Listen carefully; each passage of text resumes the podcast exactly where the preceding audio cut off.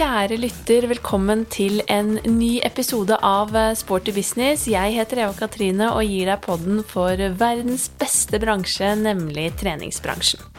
Jeg håper eh, du som hører på har det bra, selv om vi fortsatt befinner oss i en krevende hverdag. Og denne koronahverdagen går jo dessverre ekstra hardt utover oss som jobber i treningsbransjen. Det syns jeg er eh, utrolig trist, og jeg syns det er rett og slett skuffende over at myndighetene ikke vektlegger og prioriterer fysisk aktivitet, og ikke minst folkehelse i større grad. Vi i bransjen som fortsatt også er nedstengt, eh, vi eh, syns jeg også hadde fortjent en forklaring på hvorfor andre bransjer med tett kontakt med sine kunder får lov til å holde åpent, mens vi nå ikke ikke engang får lov til å tilby personlig trening utendørs. Det er rett og slett uh, utrolig leit og skuffende, så jeg håper at vi i bransjen en dag kan få den anerkjennelsen vi fortjener med tanke på den fantastiske jobben vi gjør for folkehelsen, og at uh, Norge som land kan prioritere å sette fysisk aktivitet på dagsorden i mye større grad enn hva vi gjør i dag. Så det er mitt håp og ønske for eh, fremtiden. For vi gjør virkelig mye for folkehelsen, vi i bransjen, og vi bidrar til et sprekere og lykkeligere Norge.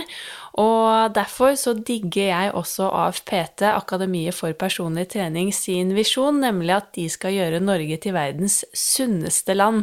Hvor kult er ikke det? Jeg elsker jo også at folk eh, tør å tenke stort og har eh, drømmer og visjoner, og det samsvarer jo også godt med vår visjon i Inspartum Akademi. Vi ønsker å bidra til et mer smilende Norge, og vår vei inn er jo å bidra til å øke kompetansen i gruppetrening og få flere til å trives med gruppetrening. Så derfor må jeg si at jeg holder ekstra med visjonen til eh, AFPT. Og det er nettopp eh, Henning Holm, daglig leder i AFPT, som er gjest i Sporty business i dag. Vi snakker om PT-yrket, hva som skal til for å lykkes. Vi snakker om PT-utdanningen, og om den faktisk er adekvat per i dag.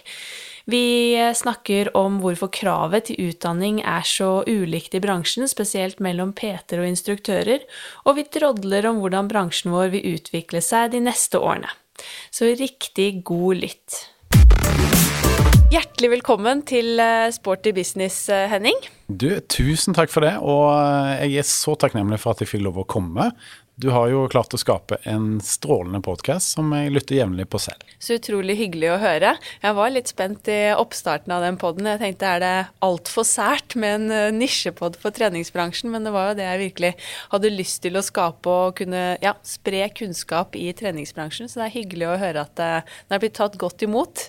Absolutt, og eh, det, vi trenger jo sånne type podcaster som dette i vår bransje, med så mange eh, idealistiske mennesker som vi er i denne bransjen. Så kudos rett og slett for å sette i gang med dette spennende eh, podkast-konseptet ditt. Tusen hjertelig takk, og veldig hyggelig å ha med deg i dag. Vi skal jo snakke om eh, personlig trening og utdanning, så det gleder jeg meg veldig til. Det er jo noe jeg virkelig brenner for. Så, men jeg, først så er det veldig hyggelig å få en liten sånn introduksjon av hvem jeg har med meg i dag. Så kan ikke du fortelle litt om eh, hvem du er, og hvordan du havnet i treningsbransjen? Du, eh, jeg heter jo Henning, da, som, eh, som du har eh, nevnt så, så, fint her. Og jeg kommer opprinnelig fra Stavanger, som er jo da Vestlandets perle, som jeg sier. Vi har jo både strand og fjell, ikke sant?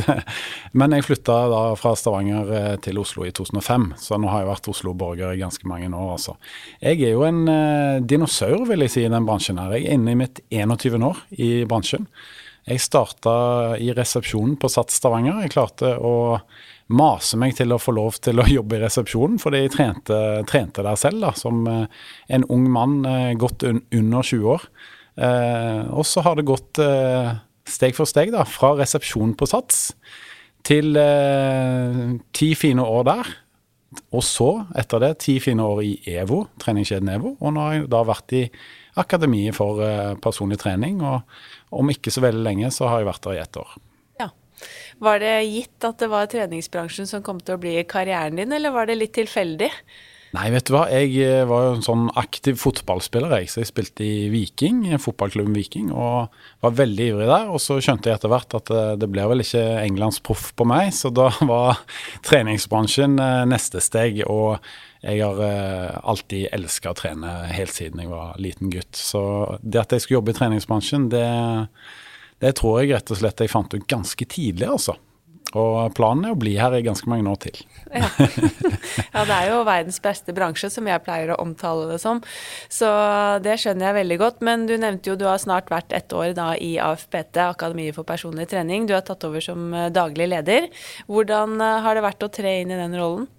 Du, det har vært utrolig spennende. Eh, jeg har jobba med utdanning siden 2008. Da begynte jeg først å forelese på PT-studiene i Norge. Eh, jeg er jo en veldig erfaren PT selv. da. Jeg har hatt over 20 000 PT-timer. Så jeg pleier å si det at jeg har sett på veldig mye trening. så jeg, jeg, elsker jo dette PT-yrket. Jeg er så glad i det. Og um, AFPT er jo på mange måter noe som jeg ser på som helt unikt i Norge. Det er jo en uh, eh, PT-utdanning som har vært der i ganske mange år. Jeg driver på 16 år nå.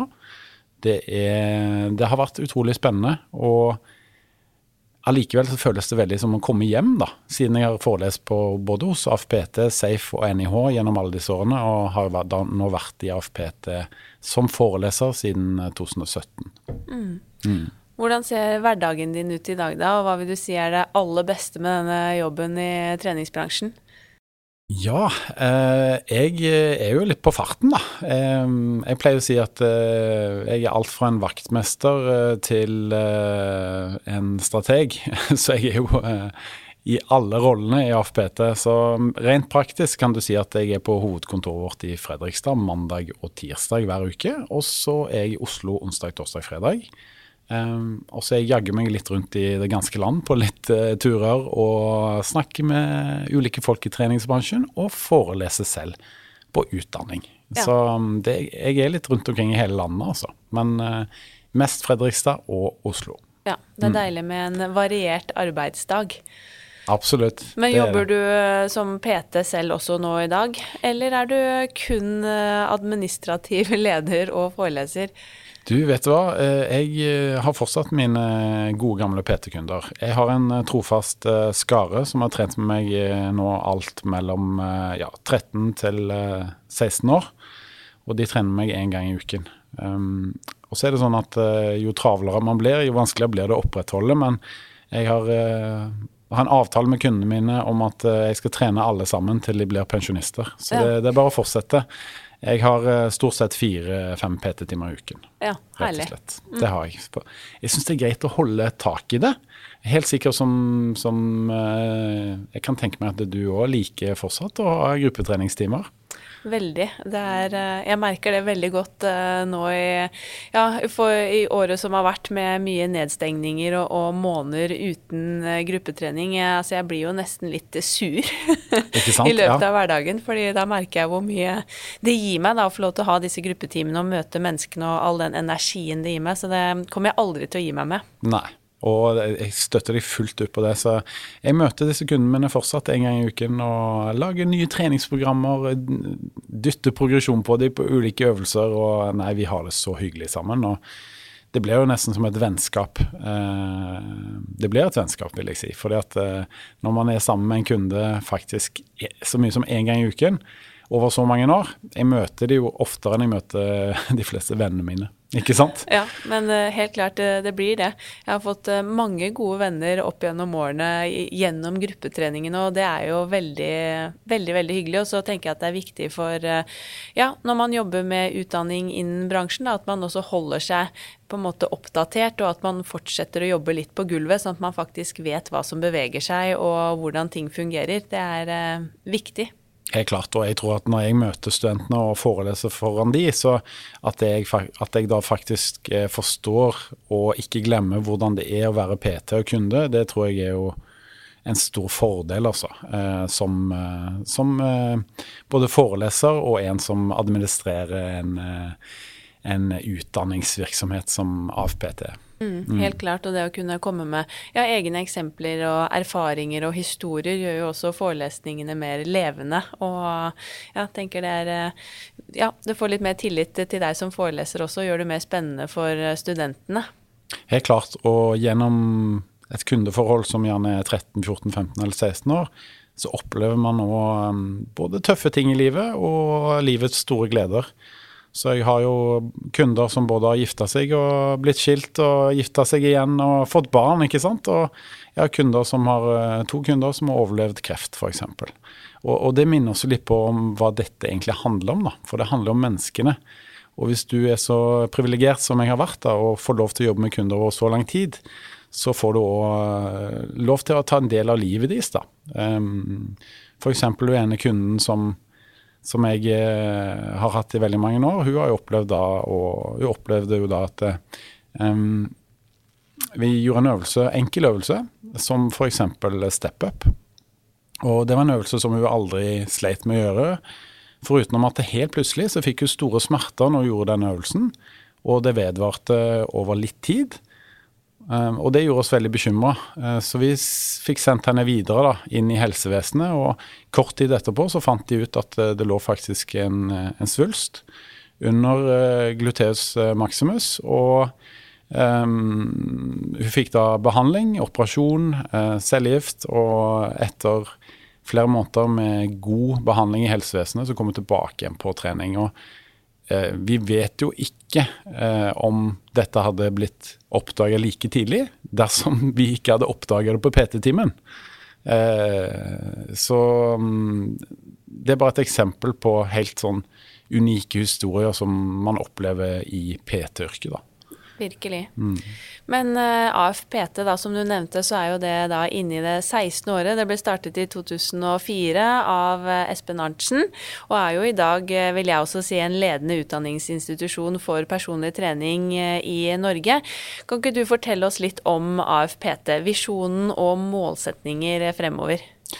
Ja, han godeste Espen Arntzen, det er jo han som har grunnlagt og jobba i AFPT alle disse årene, så dette er jo på mange måter hans eh, ja, hans eh, livsverk og hans store eh, lidenskap. Og mm, jeg har god dialog med Espen i mange år, og etter hvert så fant vi ut at kan ikke vi jobbe litt sammen, da? Så jeg er veldig glad for at han tok meg inn i varmen og, og satsa på meg, da, som, som daglig leder, først og fremst. Det vi kan si om AFPT, det er at uh, eh, AFPT er et uh, foretak som virkelig brenner for PT. PT er så viktig uh, for, hele driften vår. og at den store visjonen er faktisk da å gjøre Norge til verdens sunneste land. Og det høres litt sånn stort ut og kanskje litt klisjéaktig, men vi tror faktisk på det at hvis vi klarer å levere flere hundre personlige trenere hvert år til den norske treningsbransjen, så utgjør vi faktisk en stor forskjell. Um, og de PT-ene de møter jo ekstremt mange mennesker der ute. Og jo flere som lykkes som PT og jobber fulltid, så når vi enda flere mennesker.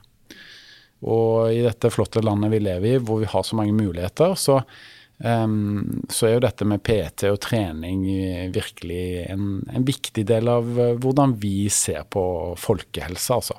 Mm. Absolutt. Og det er jo mye av det samme jeg jobber med innenfor gruppetrening, egentlig. Ja. Mm, vår måte innen Spartum Akademi er jo å bidra i folkehelsen inn, rettet inn mot gruppetrening, og dere får personlige trenere. Og det skal vi jo snakke om litt senere om, men jeg vil jo si at vi ja, som treningsbransje, vi er jo en utrolig viktig folkehelseaktør, og håper at vi får ja, enda mer eh, plass fremover, og at vi kan nå ut til eh, enda flere.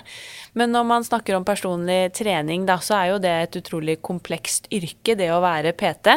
Eh, arbeidsdagen er jo forholdsvis uforutsigbar. Eh, I tillegg så skal man kunne ja, tilrettelegge trening for en rekke ulike mennesker. Man skal være 100% til stede, og ikke minst et medmenneske og ja, kanskje litt hobbypsykolog til tider, og en god motivator. Hva vil du si er det viktigste som skal til for å lykkes som personlig trener i dagens bransje? Ja, det er et veldig godt spørsmål. Um, der har jeg faktisk lyst til å si at jeg har skrevet en bok som heter 'Hvordan lykkes som PT'.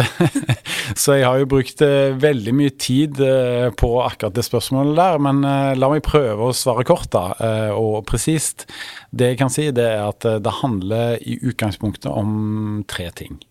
Og de tre tingene, det er fag, det er personlighet, og så er det salg. Så det er gjerne delt i, eh, i, tre viktige elementer. Og la meg begynne på mm, grunnmuren, da. Det er jo det faglige. ikke sant? Hvis du ikke har god nok utdanning og kompetanse, så er du ikke en PT i, i mine øyne. Og det ønsker jeg å være ganske klar på, altså. Fordi at uh, i, uh, de tidlige årene av PT-yrket vårt, så var det mer sånn at uh, bare du hadde trent mye sjøl og hadde gode resultater, så kunne du trene andre. Men det er stor forskjell altså på å være god på sin egen trening eh, kontra det å trene andre mennesker. Så utdanning, kompetanse og vite det at du aldri blir utlært, for det, trening det blir nok aldri ferdig forska på, rett og slett. Eh, det, det, er viktig å ta inn over seg, altså. Eh, og der tror jeg at eh, vi kanskje står ved et veiskille nå, da, hvor mange flere Peter skjønner det. At man blir aldri utlært, og at man må ta videreutdanning, altså. Og så har du personlighet, da. Og hvorfor handler det om personlighet? Jo, fordi at vi jobber med mennesker. Og jobber vi med mennesker, så må vi eh, eh først og fremst jobbe med oss selv. Eh, som PT så finnes det jo ingen dårlig dag på jobben. Kundene har betalt for tiden, og de betaler jo for tiden med deg, ikke sant. Så det er jo du som er selve produktet. Og så skal man huske på det at kundene de forventer bare at vi kan det meste. det er iallfall min erfaring, da. Eh, så når du møter opp på trening, så skal de ha svar på ting, og de forventer at du skal pushe de og legge til rette for, for at de skal ha en god treningsøkt. Så eh, personligheten din den er, den er, jo avgjørende, og det vet du jo selv. Du går jo ikke til hvilken som helst frisør eller lege eller fysioterapeut og Det samme er det med PT. Folk velger PT-en sin basert på hvem de trives sammen med, og hvem de har kjemi sammen med. Um, og så har du til slutt så er det jo et uh, kjerneelement som jeg er veldig glad i, da, og det er jo salg. Uh, salg i seg selv er jo ekstremt viktig fordi at PT fortsatt er profesjonsyrke. Så det det betyr, det er at du er din egen lykkes med.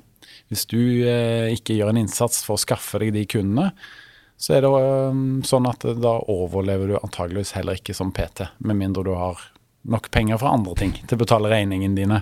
Så det at du faktisk har en salg- og markedsføringsplan på toppen av det hele, eh, det er viktig. Du må nesten se på dette som din egen lille bedrift, uansett om du er ansatt på Sats eller Family eller Actic, eller om du jobber som selvstendig, så har du din egen lille bedrift som, som PT. Så da må du tenke sånn at eh, dette er min lille business, den skal lykkes. Og deretter act like it, rett og slett.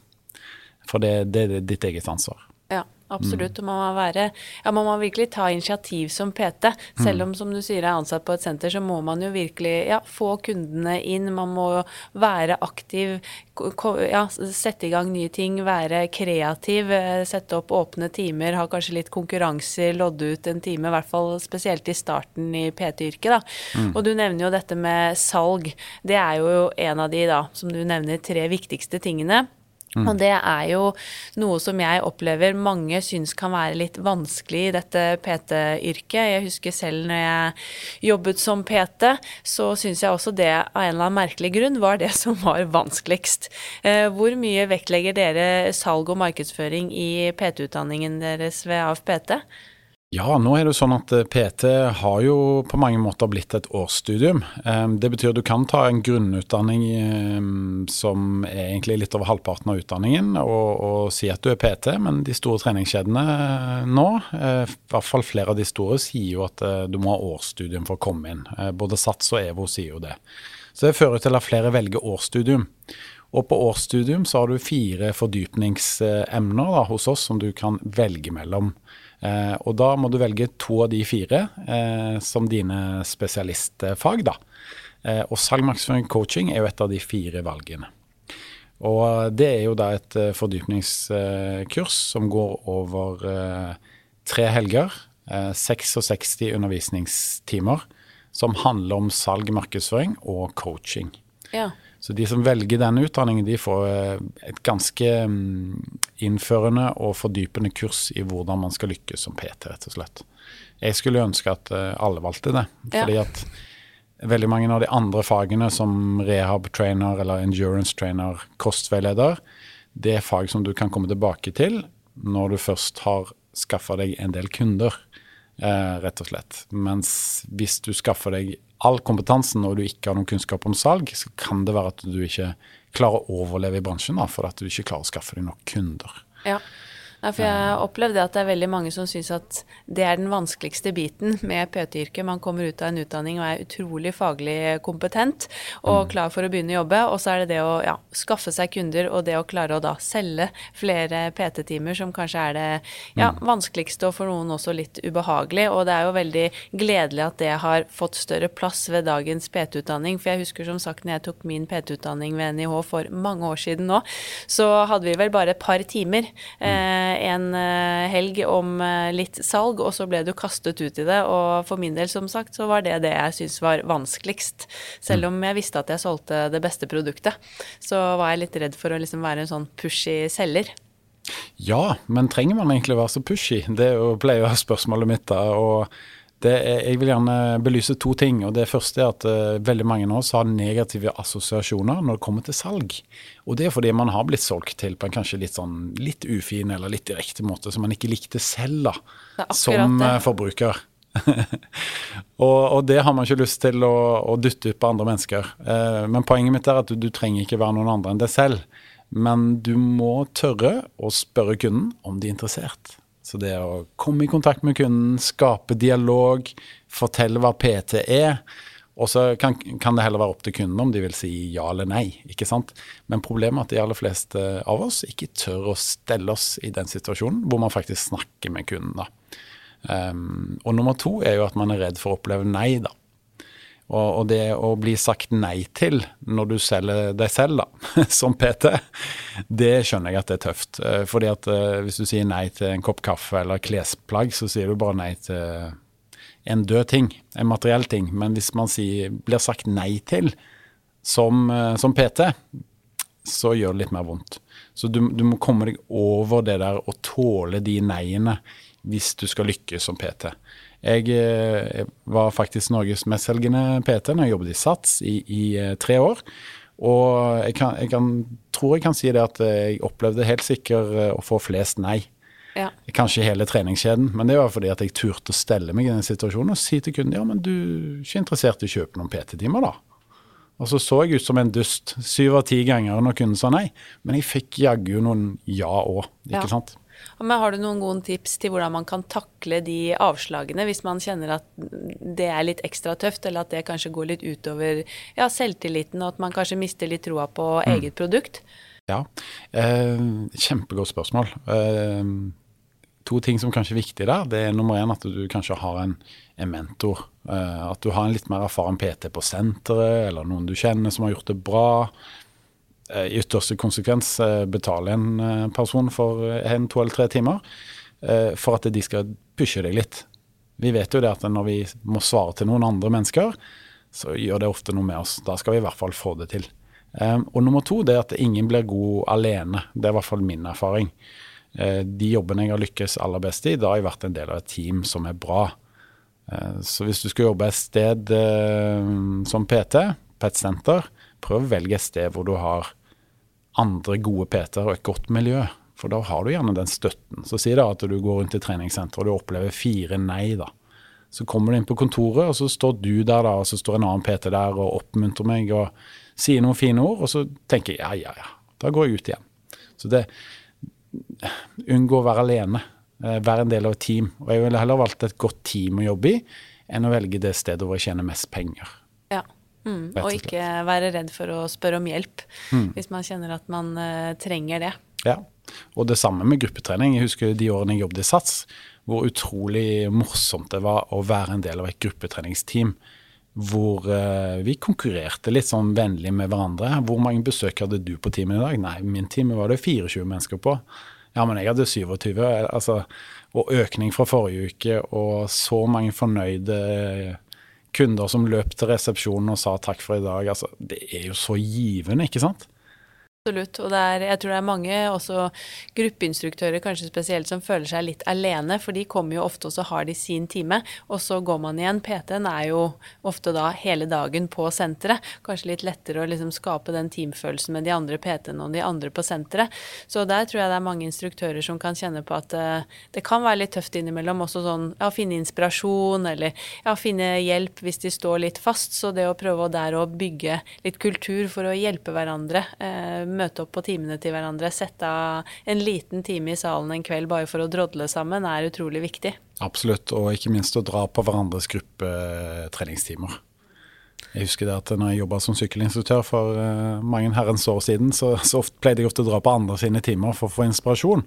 Og det, det syns jeg var veldig givende. Altså. Så um, det finnes så mange gode tips og så mye kunnskap hos andre da, og den finnes jo helt åpen og gratis på ditt eget treningssenter, gjerne. Så unngå å bli lat, altså. Dra ja. på andres timer. Du får jaggu trent på samme tid da, så ja. det er, det er veldig, bare å gjøre det. Veldig hyggelig for den som har timen, at faktisk uh, en annen kollega møter opp. Uh, mm. Det er veldig hyggelig. Men du nevnte jo litt om disse fire fordypningene som man kan velge mellom når man tar utdanning gjennom AFPT. Men har du lyst til å si litt kort om hvordan utdanningen deres er bygget opp, og hva dere vektlegger? Det kan jeg gjøre vi, eh, når du Um, utdanning har jo endra seg litt de siste årene, så det har jo gått fra å være mer samlingsbasert til å være mer variert da, på hvilken kanal vi jobber med studentene. Så um, vi har noe som heter Studentweb uh, på våre sider, hvor studentene logger seg inn. og Der kan de velge mellom å lese tekst, se på videoer eller høre på lydfiler. Og Der finnes en del av det basale pensum, pensumet, som biomekanikk, eh, treningslære, anatomi. Um, også etter hvert så har vi praktiske samlinger. Og da er det fem fulle helger med undervisning fredag kveld, lørdag, søndag eh, fra ni til seks. Hvor man da har eh, praktiske elementene av PT-yrket. Og vi tenker at eh, på vår utdanning så vil alltid de praktiske elementene være til stede på et treningssenter med foreleser, fordi at PT faktisk er et praktisk yrke, altså. Så um, vi starter på nett og med mye egenstudie i ulike kanaler, og så blir det bare mer og mer praktisk underveis i PT-utdanningen. Ja. Mm. Men hva vil du si om PT-utdanningen sånn eh, generelt eh, i dag, da? Er den adekvat, er den tilstrekkelig, syns du, eller er det ting som du tenker absolutt burde bli bedre, eller har du noe ønske for liksom utdanningen videre? Mm. Ja, jeg tenker jo at uh, vi blir jo aldri ferdig utlært, så vi må bare fortsette utviklingen. Jeg uh, er helt sikker på at vi har blitt mye, mye flinkere. For det bare for bare fem år siden så var PT-utdanningen ti helger. Nå har PT-utdanningen eh, blitt et eh, årsstudie, hvor man faktisk da har um, både video, tekst og, og, bøker som man skal ha, og så har man praktiske samlinger. Og så har man disse fordypningsfagene i tillegg. Og utover det så har vi lagd masse videreutdanninger. Så noe av det jeg har jobba mest med etter at jeg ble daglig leder, det skaper flere videreutdanninger for eksisterende PT-er. Så nå har vi videreutdanninger eh, på online eh, coaching, vi har videreutdanning på trening for vektreduksjon for kunder. Vi har ulike målgrupper som kommer litt senere i år, som handler om trening av eh, barn. Trening av gravide og trening av seniorer, f.eks. Eh, og, og, vi har eh, andre fordypningsstudier innenfor biomekanikk og ja, masse spennende, altså.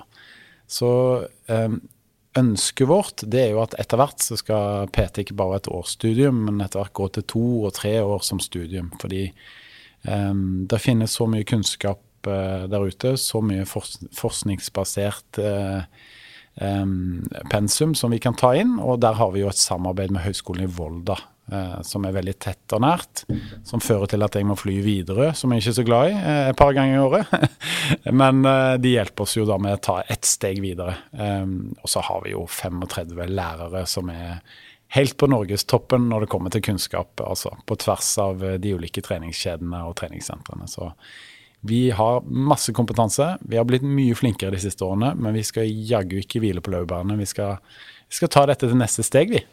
Ja, Det er godt å høre, og det er jo veldig gledelig synes jeg, for bransjen som helhet at PT-yrket virkelig liksom har blitt løftet de siste årene, og at det nå i større grad har blitt krav om et års uh, utdanning for PT-er. Og det er jo et utrolig praktisk yrke, så det krever jo også at man bruker tid, tenker jeg, i utdanningen på å faktisk modnes litt i den prosessen og det å øve seg på å trene andre. fordi det er som du sier, det er ikke bare det å være god på å trene selv, men det å formidle det til andre er noe helt annet. Men når det gjelder eh, Jeg må jo spørre deg om dette, da, siden mitt hjerte banker for gruppetrening. Så syns ja. jeg jo det foreløpig er litt eh, synd at eh, vi ikke har helt klart å løfte den statusen rundt gruppeinstruktørene ennå. Hva tror du, eller har du noen tanker om hvorfor vi i dag krever på en måte utdanning for PT-ene, men hos gruppeinstruktørene så er det ikke det samme kravet? Ja, det er jo uh, egentlig veldig spennende å reflektere litt rundt. Og um, jeg tenkte over dette her uh, uh, i går kveld. jeg satt og, og, og, forberedte meg litt til i dag. Og det første jeg kom på, det er jo at gruppetreningsinstruktørene har jo ofte dette som et deltidsyrke. Og det tror jeg kan være litt begrensende i forhold til å ville satse på utdanning, da. Eh, det betyr jo ikke at man ikke skal være utdannet i det hele tatt, men PT har jo blitt mye mer fulltidsyrke. Skal du få jobb i dag hos de store treningskjedene, så ønsker de primært at du jobber fulltid. Og når det er et fulltidsyrke, så kan man òg øke kravene til utdanning ganske enkelt. Folk forstår det, de catcher det. Så jeg, jeg tror man må Kanskje man skal tenke litt fremover og dytte mer arbeid på gruppetreningsinstruktørene. Eh, men jeg forstår jo for sentrene at eh, hvis en gruppetreningsinstruktør da, som har 14 timer i uken, blir syk, så har man kjempeproblem. Så det innebærer nok en risiko men, eh, for treningssenteret, men allikevel da, så får du kanskje flinkere gruppetreningsinstruktører når de jobber da på et høyere volum. Sånn i utgangspunktet. Så jeg tror, jeg tror, det med deltid at det er litt av årsaken. Ja. Og så tror jeg òg basert på det jeg har sett, at det virker jo som at de som har høyere utdanning, gjør det en del bedre, og dermed skaper bedre butikk for treningssenteret òg. Så jeg tror at treningssentrene må få øynene opp for at utdanna instruktører som satser som instruktører, er veien de skal gå. Eh, fordi at eh, hvis du har ei stjerne, se for deg eh, f.eks. at du har timer på et treningssenter. Jeg eh, vil anta at du har masse følgere som liker dine timer, som kun har lyst til å trene på dine timer. Og kanskje du da vedlikeholder medlemsbase da, på alt fra 200 til 300 medlemmer i måneden. Som trener på det treningssenteret, som ikke melder seg ut fordi at du er der. Eh, så jeg tenker jo som konsept, da, eh, og jeg er jo gammel senterleder selv. Eh, så tenker jeg at hvis jeg hadde et stjernelag med instruktører, 10-15-20 instruktører som bare var utrolig gode, kunnskapsrike på sine felt, så vil jo det faktisk ha en positiv effekt på frafallet. Sånn at jeg har mindre kjørn, da. Ja. Jeg har mindre medlemmer som melder seg ut. Ja. Jeg blir jo veldig glad for å høre det du sier nå, og oppmuntrer til eh, ja, å skape gode instruktører. For man ser jo det at eh, det gir jo også veldig lojale medlemmer på treningssentrene. Og mange er jo medlemmer på treningssenteret også bare pga. instruktøren og den timen. Mm. Og en instruktør møter jo kanskje flest mennesker også i løpet av en uke, kontra en PT som har 20-30 kunder i løpet av uka. Så møter jo vi utrolig mange mennesker på en time. Så jeg tenker det er jo utrolig viktig at også vi har utdanning og kompetanse med tanke på det produktet vi skal levere i salen. Men det er helt klart at dette med, som du nevner, at veldig mange har det som en liten bijobb, eh, spiller inn også på ja, tid og eh, mulighet til å ta utdanning og videreutdanning. Men der håper jeg jo også bransjen etter hvert kan eh, At vi kan skape flere fulltidsstillinger, da, sånn at også kanskje PT-ene kan være gruppeinstruktører å ha timer. At man kan eh, forhåpentligvis eh, øke betalingsviljen til gruppeinstruktørene. Dette med lønn kan man jo lage en egen pod på i denne, ja, ja. I, eh, i, denne, bransjen. Men at det også blir mulighet for at flere kan satse fulltid. Da, og kanskje også leve av å være instruktør og holde kurs og gruppetimer. Jeg må jo si at eh, når jeg jobbet, eh, altså De årene jeg jobbet i SATS, så hadde jeg gruppetreningstimer i tillegg til de andre stillingene mine, både som PT og studieansvarlig og assisterende senterleder og en og det andre. Eh, og det var jo en fantastisk form for, ja, kall det et avbrekk, da, i hverdagen min. Da hadde jeg sykkeltimer på onsdag ettermiddag, og jeg hadde sykkeltimer på fredag. Eh, for de, ofte for de som studerte eller jobbet turnus da. Da jobbet jeg på Sats eh, på Nydalen. det var jo de faste menneskene, og jeg henta jo PT-kunder derfra vet du. Fordi mm. folk var fornøyde med timene og kom bort og spurte ja, kan ikke du få litt gang på styrketreningen min. Jo, det kan jeg, vet du. ikke sant? Så det er jo en flott mulighet for PT-ene. Jeg tror du er inne på noe der, altså. Ja, jeg mm. også mm. håper at eh, kanskje flere PT-er kunne være interessert i å ja, ta utdanning innen gruppetrening og ha noen eh, timer. For det, ja, jeg er jo veldig for eh, samarbeid på tvers av både bransjer, at vi i treningsbransjen kan bli flinkere til å samarbeide med behandlere og andre, men også innad på treningssentre. Noen sentre er jo superflinke, og andre er kanskje ikke like flinke med det å skape samarbeid på tvers av det som foregår i salen og det som foregår i studio. Men klarer man det også, er man man jo mye bedre rusta til å kunne selge hele senteret og hjelpe hverandre frem og selge hele tilbudet.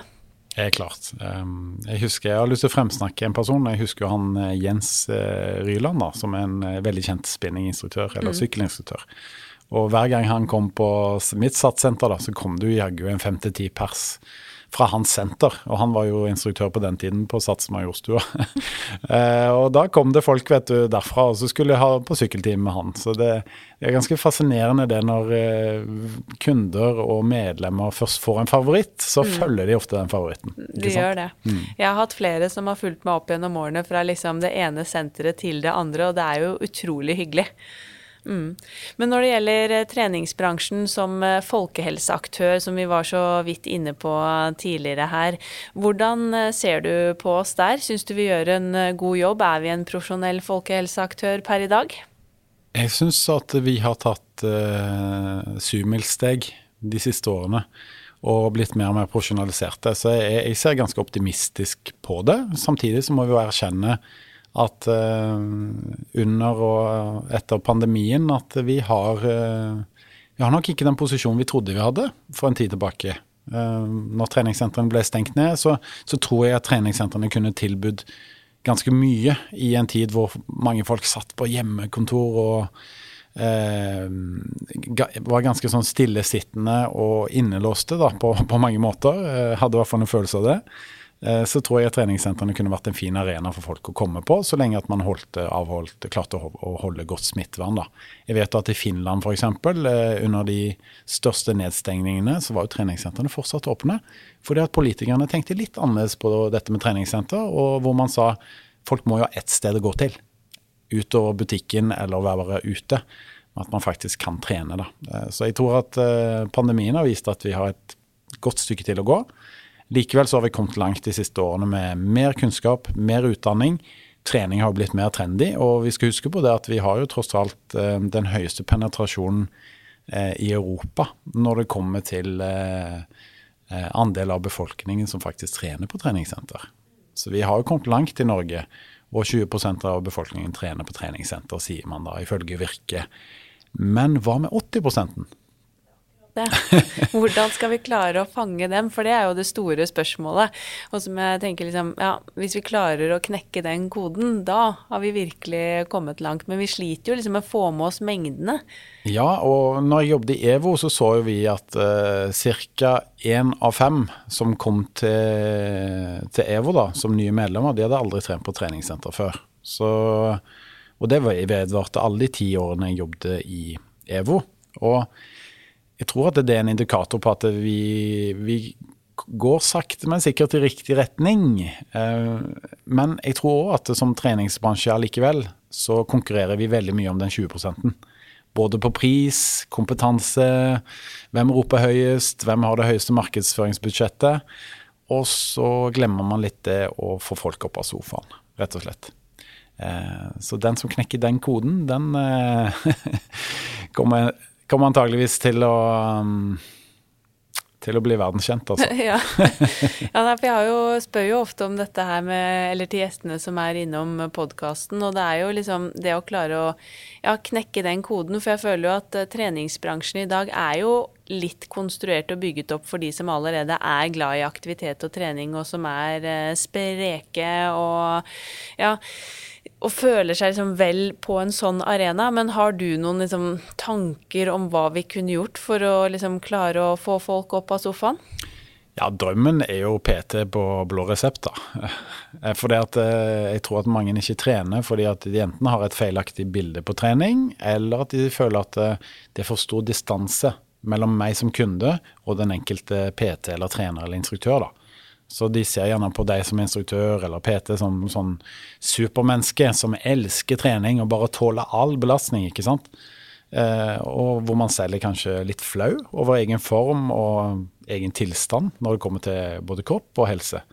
Så jeg tror at eh, gapet mellom kunden og oss som PT og instruktører er for stort. Så mm, vi må komme i kontakt med kunden og snakke kundens språk, rett og slett. Eh, så det betyr mindre fokus på latinske navn. Eh, ikke mindre fokus på kompetanse, det er ikke det jeg sier, men at vi må, vi må ned på kunstnivå, og speile kunden og prøve å snakke med de, ikke til de. Da tror jeg vi, vi kan nå langt. Ja. Og så tror jeg at uh, vi jakter veldig på sånne digitale løsninger. Men ikke glem det at folk trenger å se hverandre i øynene. Altså. Hva er den beste formen for kommunikasjon vi har? Det er å se hverandre i øynene. Jeg har jo selv foreldre som ikke akkurat har vært aktive gjennom livet sitt. Men når jeg inviterer de til å gå en tur sammen, og så lurer jeg de til å gjøre noen styrkeøvelser på slutten, så sier de ja, men det var jo litt gøy allikevel, da. De hadde aldri lasta ned en app og satt i gang med dette på stuegulvet sitt. Nei helt klart.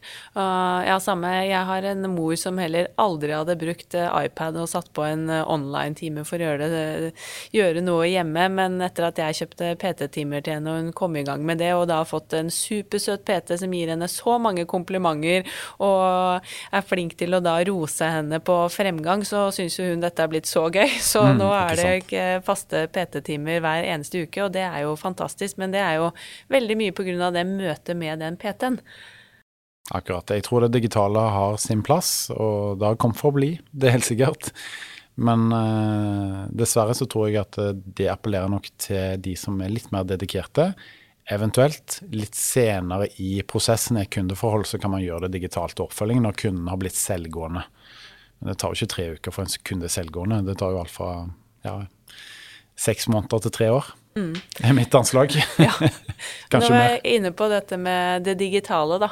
Hvordan tror du eh, bransjen kommer til å utvikle seg fremover? Hvordan, eh, hvordan ser det ut om fem til ti år, kanskje? Jeg tror at eh, bransjen kommer til å segmentere seg mer. At vi jobber mot ulike kundegrupper. At vi tør å satse mot de som skal ned i vekt. De som skal ha muskelvekst. De som skal trene sammen med barna sine eldregenerasjonen, eh, der må vi gjøre et eller annet. For det at eh, vi blir jo eldre og eldre. Og um, jeg tror rett og slett at vi kommer til å se en større segmentering i markedet, altså. Forhåpentligvis. Og så må vi passe oss litt. Eh, fordi at eh, med sosiale medier og alt som skjer, så er det lett å, at eh, fokuset havner på kropp. Jeg håper og tror at det skal handle om helse. Problemet er at helse er ikke sexy. Kropp er sexy, ikke sant. Så, så, det å kunne selge på helse, hvordan gjør man det? Det tror jeg man kan gjøre på personlighet, altså. Eh, så du må ha de riktige profilene, du må ha de riktige menneskene til å jobbe med mennesker. Eh, og så må man eh, tørre å satse. Ja. Men jeg tror som, som, treningsbransje at vi ikke skal gå i den fella at det kun handler om kropp og se bra ut. Det får heller være en bonus, ja. rett og slett. Mm. Jeg er veldig enig. Men hva vil du si eh, er det beste med bransjen eh, per i dag, da? Ja, helt eh, på toppen av det som overskrift så er det vel at vi jobber med hobbyen vår alle mann. Og jeg har vel aldri hatt en søndag kveld hvor jeg gruer meg til en ny uke. Og det tror jeg er ganske unikt i yrkeslivet. Mm. så sånn er det å jobbe i treningsbransjen. Eh, på et litt dypere plan så jobber vi jo med å endre menneskers liv til det bedre. Høres kjempeklisjéaktig ut, men vi gjør jo det. Eh, vi møter jo nye mennesker eh, som smiler, som er glad. Og jeg mener at vi jobber i en rosa boble i samfunnet. Hvor eh, vi jobber som sagt med hobbyen vår. Vi får se mennesker oppleve mestring og progresjon. Og, at kunder da opplever flere sykdomsfrie år, lever lenger. Det, er bare bra, ikke sant? Og så er det lett å gå ned i detaljene i hverdagen og glemme litt at man er så heldig noen ganger. Det tar i hvert fall jeg selv meg fordi at eh, jeg har jo fortsatt eh, deadlines jeg skal, opp, skal nå, ting jeg skal levere. Jeg ønsker å levere bra på alt jeg gjør. AFPT skal ta nye steg videre. Så, men uansett så, så er vi utrolig privilegerte. Herlighet. Vi jobber jo med glade mennesker. Stort sett glade mennesker over hele fjøla. Eh, ja, vi gjør det. Både kollegaer og ja, bransjekollegaer og de vi møter på treningssenteret. Det, er, det, er mye engasjement og lidenskap, som de fleste nevner i denne poden, og glade, kreative mennesker. Mm. Og så tror jeg at jeg har lyst til å nevne en ting til, og det, det handler litt om at uh, vi må stå sammen som bransje. Uansett om du jobber i, eh, i Sats eller Actic eller EVO eller eh, Family eller på et lite treningssenter tilknyttet en klinikk eller hva det nå skulle være. At vi prøver å dra lasset sammen eh, for en bedre bransje.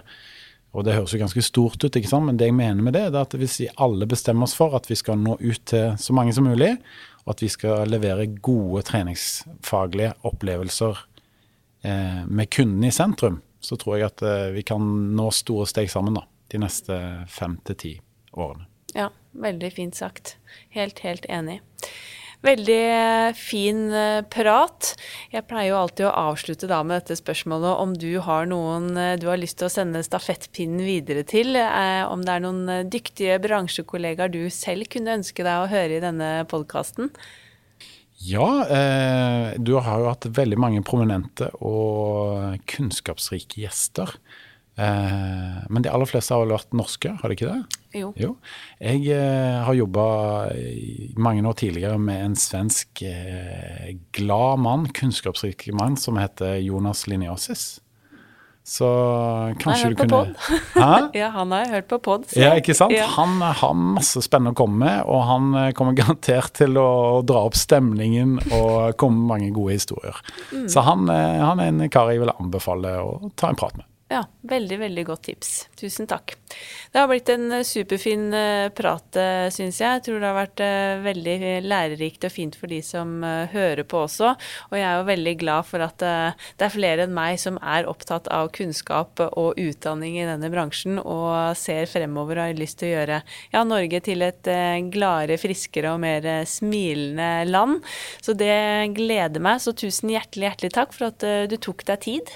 Tusen takk for at jeg fikk komme, og takk for alle de, eh, de morsomme og gode spørsmålene som får meg selv til å reflektere, så det setter jeg veldig pris på. Tusen hjertelig takk. Tusen takk for at du har lyttet til nok en episode av eh, Sporty business. Jeg selv blir alltid så utrolig inspirert av disse fine samtalene med dyktige bransjefolk, så det håper jeg du også blir. Og inspirasjon og litt ekstra boost, det er jo noe av det vi virkelig trenger påfyll av i disse dager. Vi i bransjen, og i hvert fall meg selv, jeg eh, lengter etter eh, treningsevents og gode, gamle conventioner der vi kan møtes, trene, snakke sammen, skape disse unike treningsopplevelsene. Og um, i den anledning så arrangerer vi i Inspartum Akademi en digital treningskonvensjon 20.2. Vi har med oss noen av de dyktigste instruktørene i Norge. Maren Eidvik, Sølve Sunddragen, Astrid Salthaug og Frøydis Hansvik. Og sammen så skal vi gi deg en unik treningsopplevelse hjemme hos deg selv. Om det er på stuegulvet, kanskje på kjøkkengulvet, på hytta eller til og med i hagen, så får du denne digitale digitale treningskonvensjonen servert gjennom skjermen akkurat der du befinner deg. Så du deltar via Zoom, og du kan være med på akkurat hvor mange timer i løpet av dagen som du selv ønsker. Så jeg håper at uh, du som hører på, kanskje har lyst til å slenge deg med på vår første digitale treningskonvensjon og møte oss gjennom skjermen den 20. februar. Så hvis du har lyst til å være med, så sjekk ut uh, inspartum.no og klikk deg inn på Inspartum Online Experience. Så finner du timeplan og all informasjon. Så det hadde vært superkult og veldig hyggelig om uh, vi kan møtes gjennom skjermen. Følg oss også gjerne på Instagram på Sporty Business podkast, og bli gjerne med i gruppen vår på Facebook som bare heter Sporty Business. Og har du spørsmål til podden som du kanskje ønsker svar på, eller om du har eh, tips til tema eller gjester, så send oss melding på Facebook, Instagram eller mail direkte til hei at sppod.no. Jeg ønsker deg en sykt bra uke videre. Vi poddes igjen om to uker. Denne podkasten produseres av Inspartum Akademi og North Stories.